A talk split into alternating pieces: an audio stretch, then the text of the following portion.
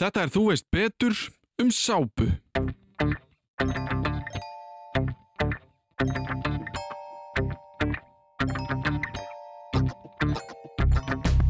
og þessi efnakvörf verða þannig að súrefni og vetni það yfirgefur sápuna.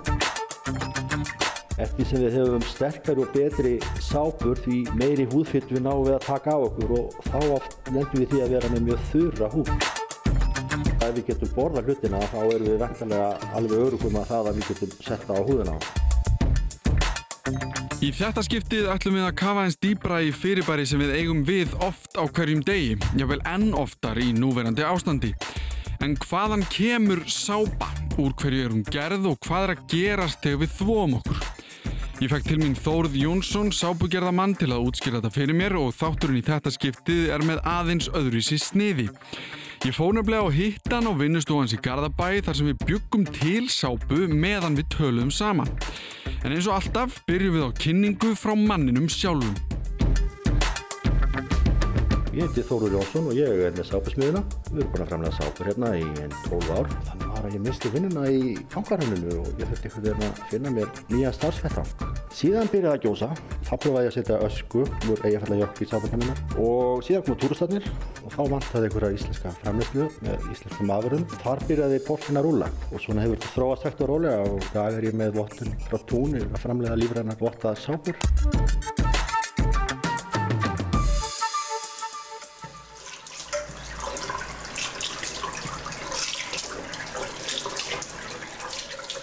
Og ég held að sápan hafi orðið til þannig að menn geta búið til eh, nokkuð skona vítisóta með því að hella vatni gegnum ösku eh, og eftir því sem þeir hella oftar þá fá þeir einhvern vökva sem er sko mjög mikil eh, svona basiskur og getur leist upp fytu. Þannig að einhvern veginn finnst manni að í upphafi hafi, hafi sápan orðin til með því að menn voru að elda kjöt á teini, fytan fór honni í glóðina, blandaðist það sama við kannski einhverju ösku sem að innihjælt nokkus konar ígildi lúts. Þannig voru mennkonu með í hendurnar einhver svona sápumóla sem að þeir uppgötuð að geti leist upp fytu og hreinsa sig með. Og þannig held ég að hafi kannski verið svona þessi frumynd af hvernig sápan var til en og hefur náttúrulega þróast hægt og rólega og, og júrtaóljur hafa nú verið mikið notað svona í, hvað fyrir, nú vegan æði og allir vilja nota júrtaafurðir, ekki dýraafurðir. En er langt síðan þá að við byrjuðum að, sko vorum að hugsa um þetta sem bara eitthvað sem leta okkur lykta vel eða í einmitt sko helsu samlegum tilgangi að við vorum að þrýfa okkur af einhverju. Ég held að þetta hefði nú verið meira til þess að þrýfa okkur og ná að okkur svona fytu og óhrennindum. Ég held að lyktin hafi ekki komið fyrir bara frökkunni þegar frakkarnir fóru að búa til ilmefni og, og þeir kölluðu ilmefnin auðvitað toilett með skýrskotin í það að það væri nú kannski hægt að fara yfir vondulíktina með öðrum líktum sko. Þannig að manni finnst eins og það sé kannski þarna kom ilmurinn inn í sko. Frakkarnir eiga öðruglega heiðurinn af því. Við höfum verið að nota ilmkjarnaóljur í sápugerð. Það er totla ekki vel í sápunni eftir framleysluna. Það er gefað smá ilm að sápunni þegar þú ert að fara að þóðir en það haldast ekkert við þig. Líktinn tollir ekki á þér eftir handþótt ef þú notar ilmkjarnaóljur en síðan eru til náttúrulega ilmefni sem eru svona eins og parfjúm og þau eru til þess ætluð að láta þig halda einhverju ilm eftir og þverðir. Og er þá, erum við að tala um mörg, þú veist, fyrsta sápan, er, er það fyrir bara mörg þúsund árum? Já, mér sýnist nú eins og að það sé til einhver heimildir alveg 2000-3000 ára aftur í tíman um eitthvað svona sápu en, mm. en það er enga nákvæmur heimildir þetta er svona, það menna hann ekkert verið að tala neitt mikið um hreinlæti og, og, og annað í, í mangisögunni sko. Já. Og þessar fyrstu sápur sem að kannski við vorum að búa til, var það einmitt eins og segir bara dýrafitta blandað við eitthvað? Það verið bara mest megnist dýrafitta. Þetta er náttúrulega hlutu sem er afskurður af, af kjöti og kannski ekki mikið notað, öðruvis en það bara í eldamennsku og, og sápugjörð. En hérna heima, þú veist, hvernig byrja Íslendingar að pæli sápu? Svo 1902, frekar 1906, það var nú, það var nú sápubúð hérna á Íslandi. Hún framleiti, nei, seldi yngluta sápur sem voru greinilega frá Fraklandi með að við nöfnin á þeim. Og síðan var sett upp sápíkjær hérna í 1920 og 1930 og þá vildu menn fara í, í hérna Laugardalinn og nýta heitavatni þar til þess að knýja framleysluna í sápíkjær. Það var nú einhverjar heimildir um að það við gerst en, en, en viðkomandi hafi ferðið á hausinn stöttu síðar og reynd svo aftur, ég þekki nú ekki alveg þessa sögu en, en hún er merkileg fyrir það leiti að, að, menn voru náttúrulega flytið inn hráöfni, menn voru ekkert að nota íslenskt hráöfni í þessa sápugerð sko. En það var þá einhver þarna sem var að reyna að búa til sápu, íslenska sápu? Ég menn voru að búa til sápu sem að kannski var nú meira kannski hugsuð fyrir þvott á, á, á fötum fatnaði heldur en kannski líkama. Og er það, sko að því að nú þegar maður talar um sápu við suma þá segja þeir að þau, já, amma gerði bara sápu í kannan dag úr tólki sem dæmi. Var það þetta svona húsráð eða hvað maður getur sagt, svona í gamla dag? Sko, amma mín gerði sápur sem hún kallaði stakkasápur. Það voru sápur sem hún notaði til þess að reynsa sjóstakkana sem hann aða minn þurfti náttúrulega að þrýfa eftir hverja veiðiferð. Og þær sápur voru bara tólk og vítisúti og vatn og þóttu nú kannski ekkert vera það góð framlegsla að væri hægt að, að, að fara með hana í bað sko. En um, síðan koma þessar yðnar sápur, þannig að mamma mín hún hefur aldrei framlegt sápu, hún hefur bara keft þar út í búð eins og hverjanur húsmóður. Síðan er það mín kynnslóð sem að kannski fann að hugsa sko um hvað er í sápunum, hvað get ég gert þetta og get ég stjórnað í þannig ég sé að fá bestu fáalögur hráöfni á þess að skada húðina mína. Þá kemur það bara í ljós að sápa er ekkert annað en bara vatn og vítisóti og óljur og fýta. Nú vítisótin hann breytist yfir í salt þannig að, að þegar hans tilgangi er lokið þannig að vítisótin er ekki lengur í sápunni sem slíkur. Fytan hún breytist yfir í fytusýrur og sápan hefur þann tilgang að leysa upp okkar húðfytu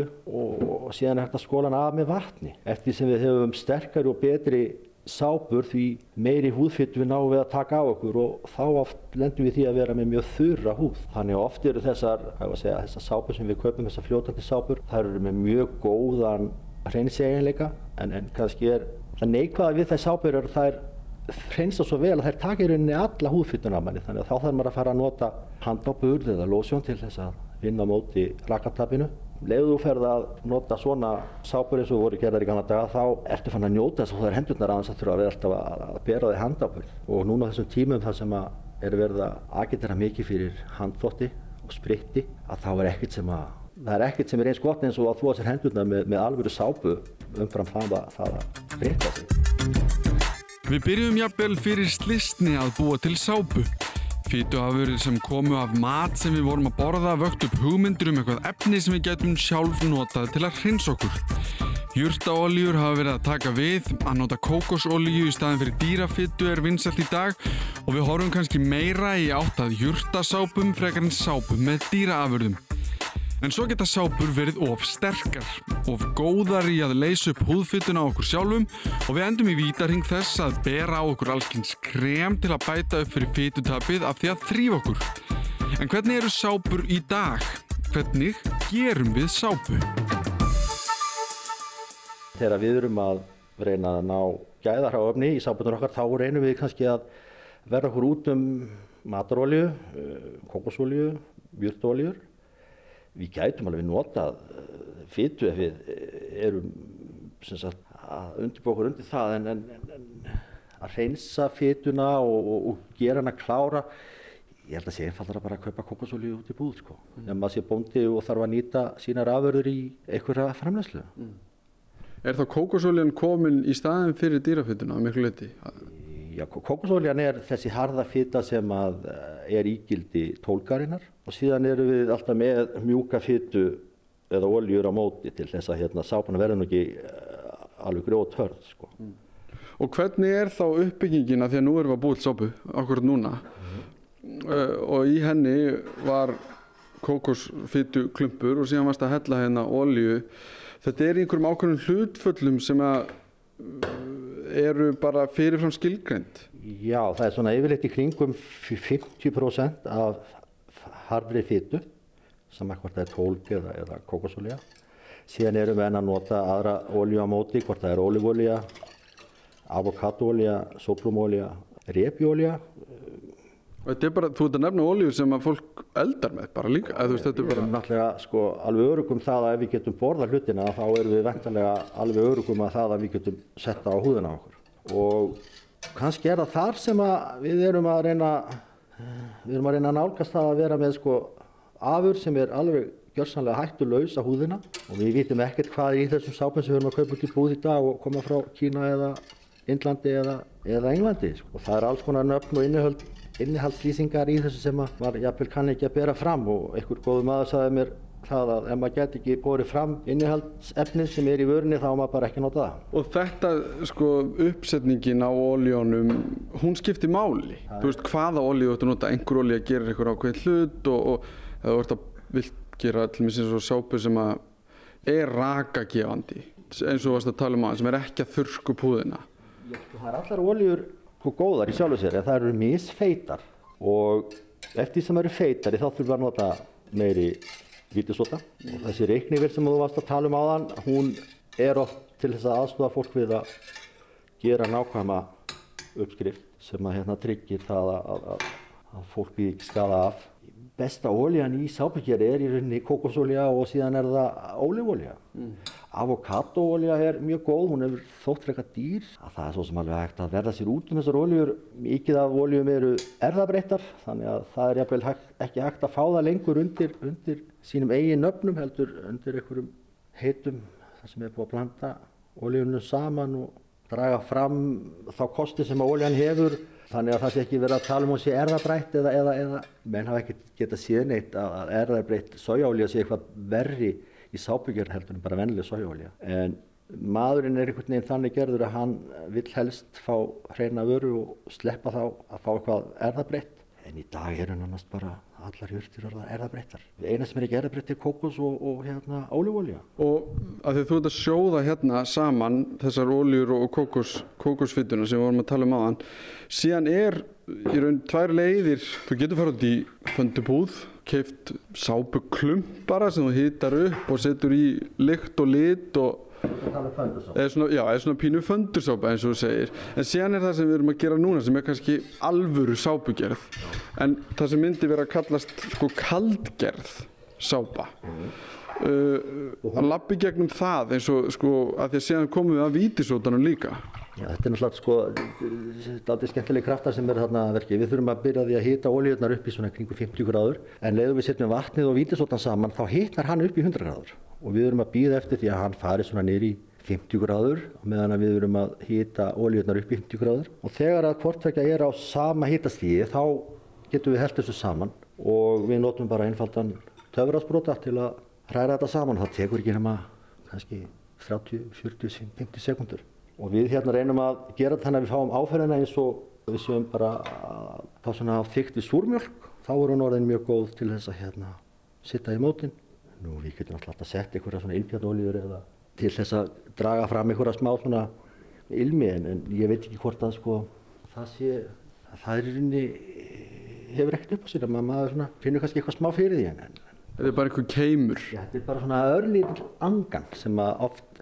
sko ég upplifa það að, að það er best að nota minna heldur meira maður kennst lengra með minna og, og, og hafa ilmið þannig að fólk átti sig á því hver upprunin er en það kannast hann og finnst hann góður í staðan fyrir að, að keira hann upp og, og fólk finnst hann að vera kannski svona ofmegn.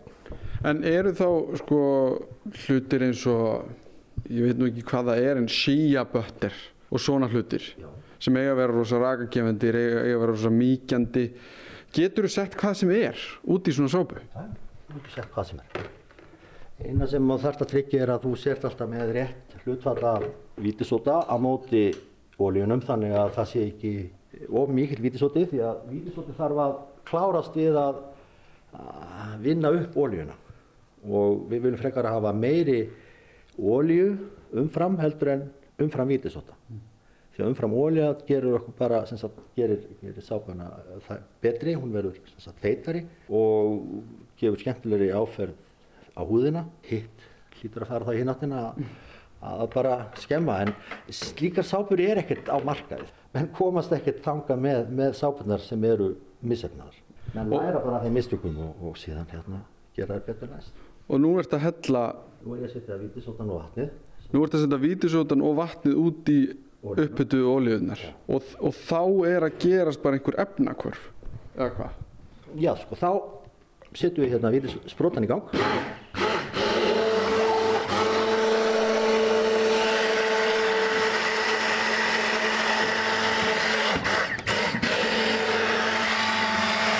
Og þú varst búinn að setja vítisótun og vatnið saman Já. og láta það kólna niður. Ég sem sagt var aðeins að vinna við tíma með því að hérna, að því að hann er lengur að kólna niður heldur en að hita ólíðunar upp í 50 gráður.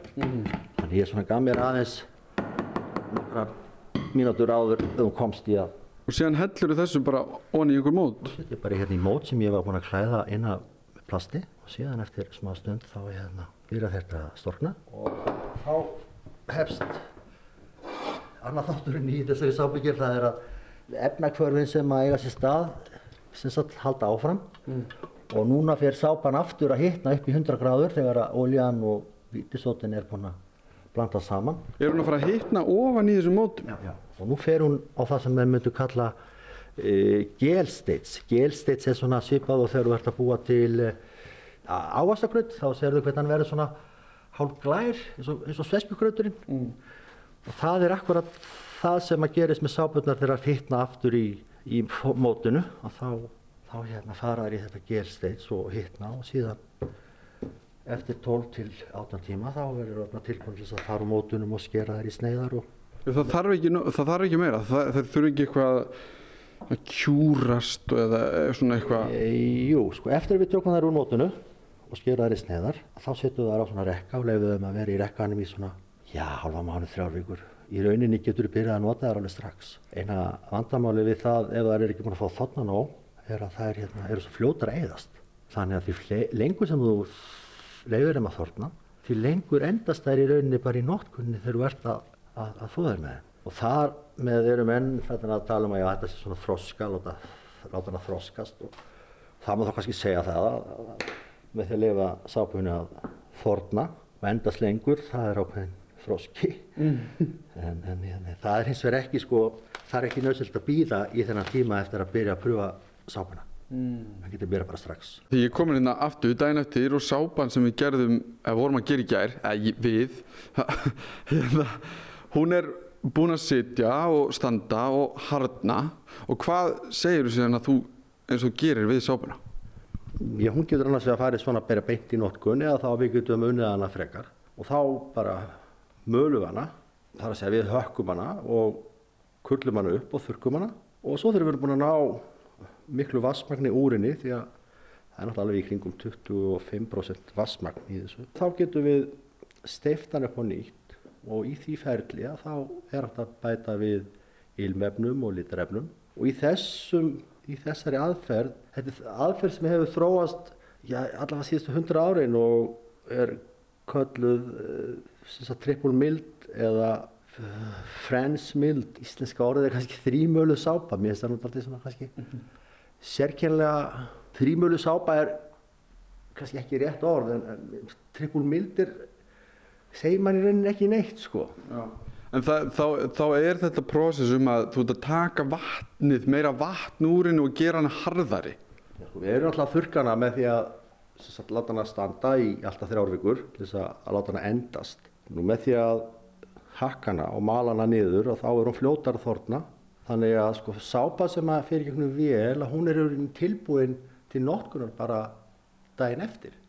Af því að það er búið að taka vökvan úr massanum áður en hann fer í vinslu. Gömlu sótasápurnar þær bara fá að standa í rekka og þorna alltaf þrjár vikur til þess að losna við rakan. Og er, þú veist, önnur hvort aðferðin betri en hinn, eins og þú segir sko, þetta eða þetta triple mild, er það svona, það sem við kaupum út í búð, er það búið að fara ykkur það ferli eða, eða er annarkvort algengar en hitt? Það eru sko margar af þessum sápum sem við fáum út í búið eru í rauninni sko búna til eins og triple mild en kannski er innihaldsefnið kannski ekki alveg úr jurtamassa, það getur verið sko dýrafitta og sama við þannig að sko maður náttúrulega kannski sér það ekkert á þessari sápu en, en yfirleitt er þessi sápa sem er triple mild, hún er yfirleitt svona ilmsápa, hún er yfirleitt svona fallir í lögun og lit sko, hún er ekki svona, hún er ekki svona handgerð sínilega og við getum steift hana og pressa hana þannig að hún fái það í lögun og með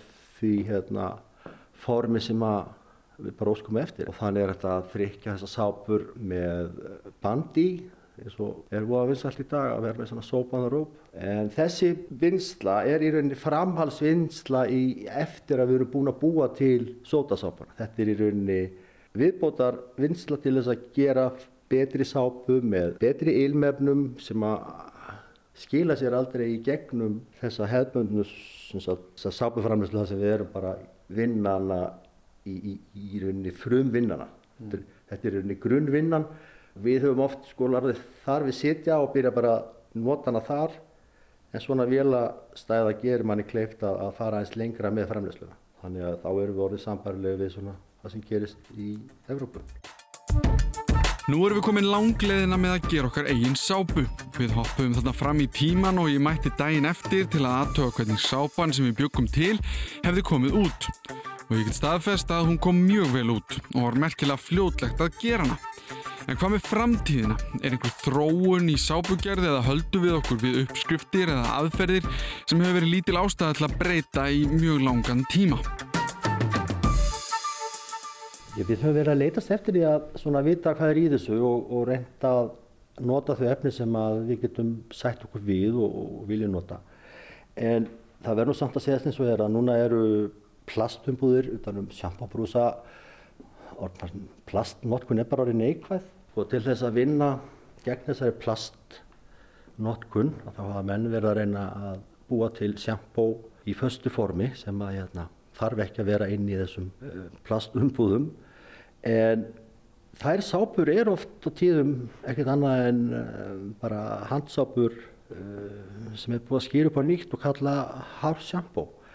En það er þróun í sápugjör og það er að koma efni sem eru það mild að það er að búa til shampoo og sápur og hárnæringu úr sama grunninum.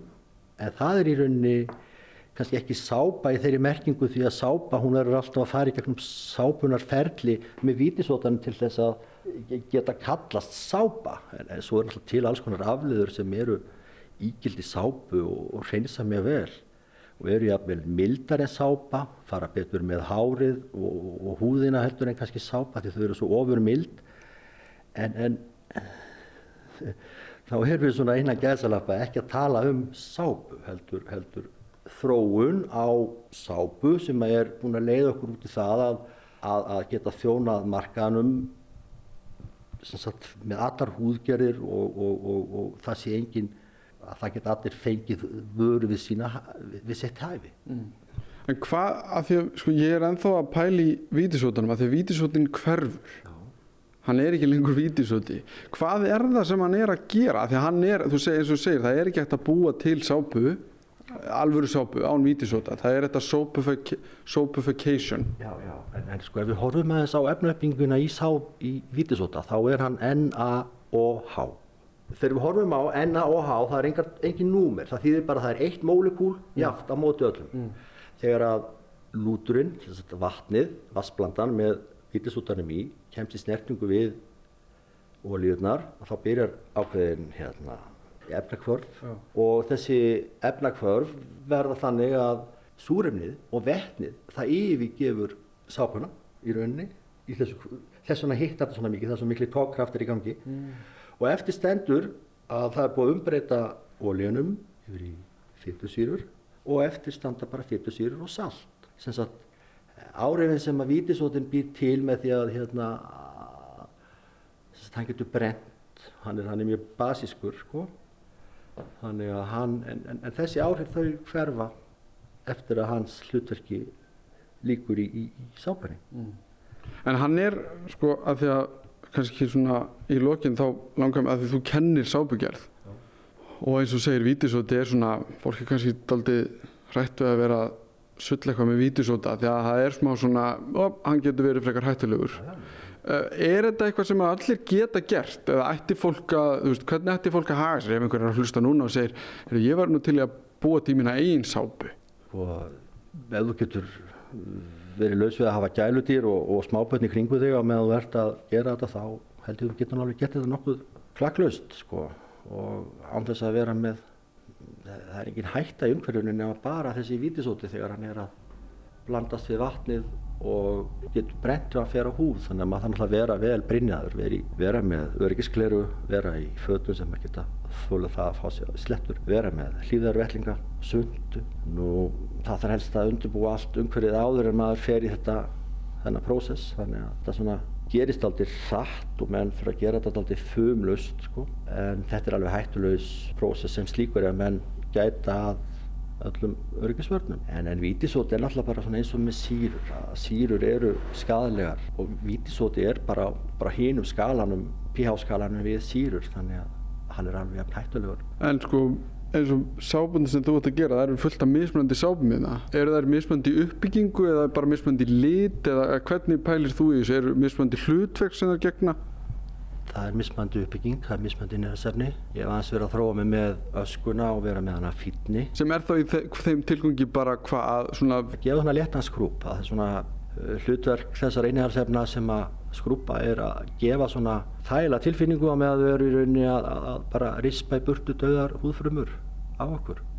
Þannig að við finnum fyrir því að vera með mjúka og, og reyna húð eftir sturtubæði mm. og menn hafa nota svona sumir að nota kveiti sumir nota kaffikorg það er náttúrulega að nota náttúrulega hvað sem er sko, til fellur eh, sumir nota kókosmjöl kókosápur en, en megin reglan er í rauninni svo að, að, að nota lítið þú kemst lengra á litlu því að ef þú notar á mikið þá í rauninni ertu bara farin að búa allir vöru sem er bara óþægilega að nota mm. og eins þegar ég var að byrja að gera lavandir sápur þá átti ég til að setja lavandir blómin í, það kendi mig það bara, það voru bara mjög óþægilega sápar og sem með. Þannig að maður lærði það að hafa þetta mikra og hafa minna og, og, og það er einhvern veginn að nota hvað sem er og, og nær umhverfið kannski ætti að stjórna því svona hvað, hvað maður ætti að sækja í sko.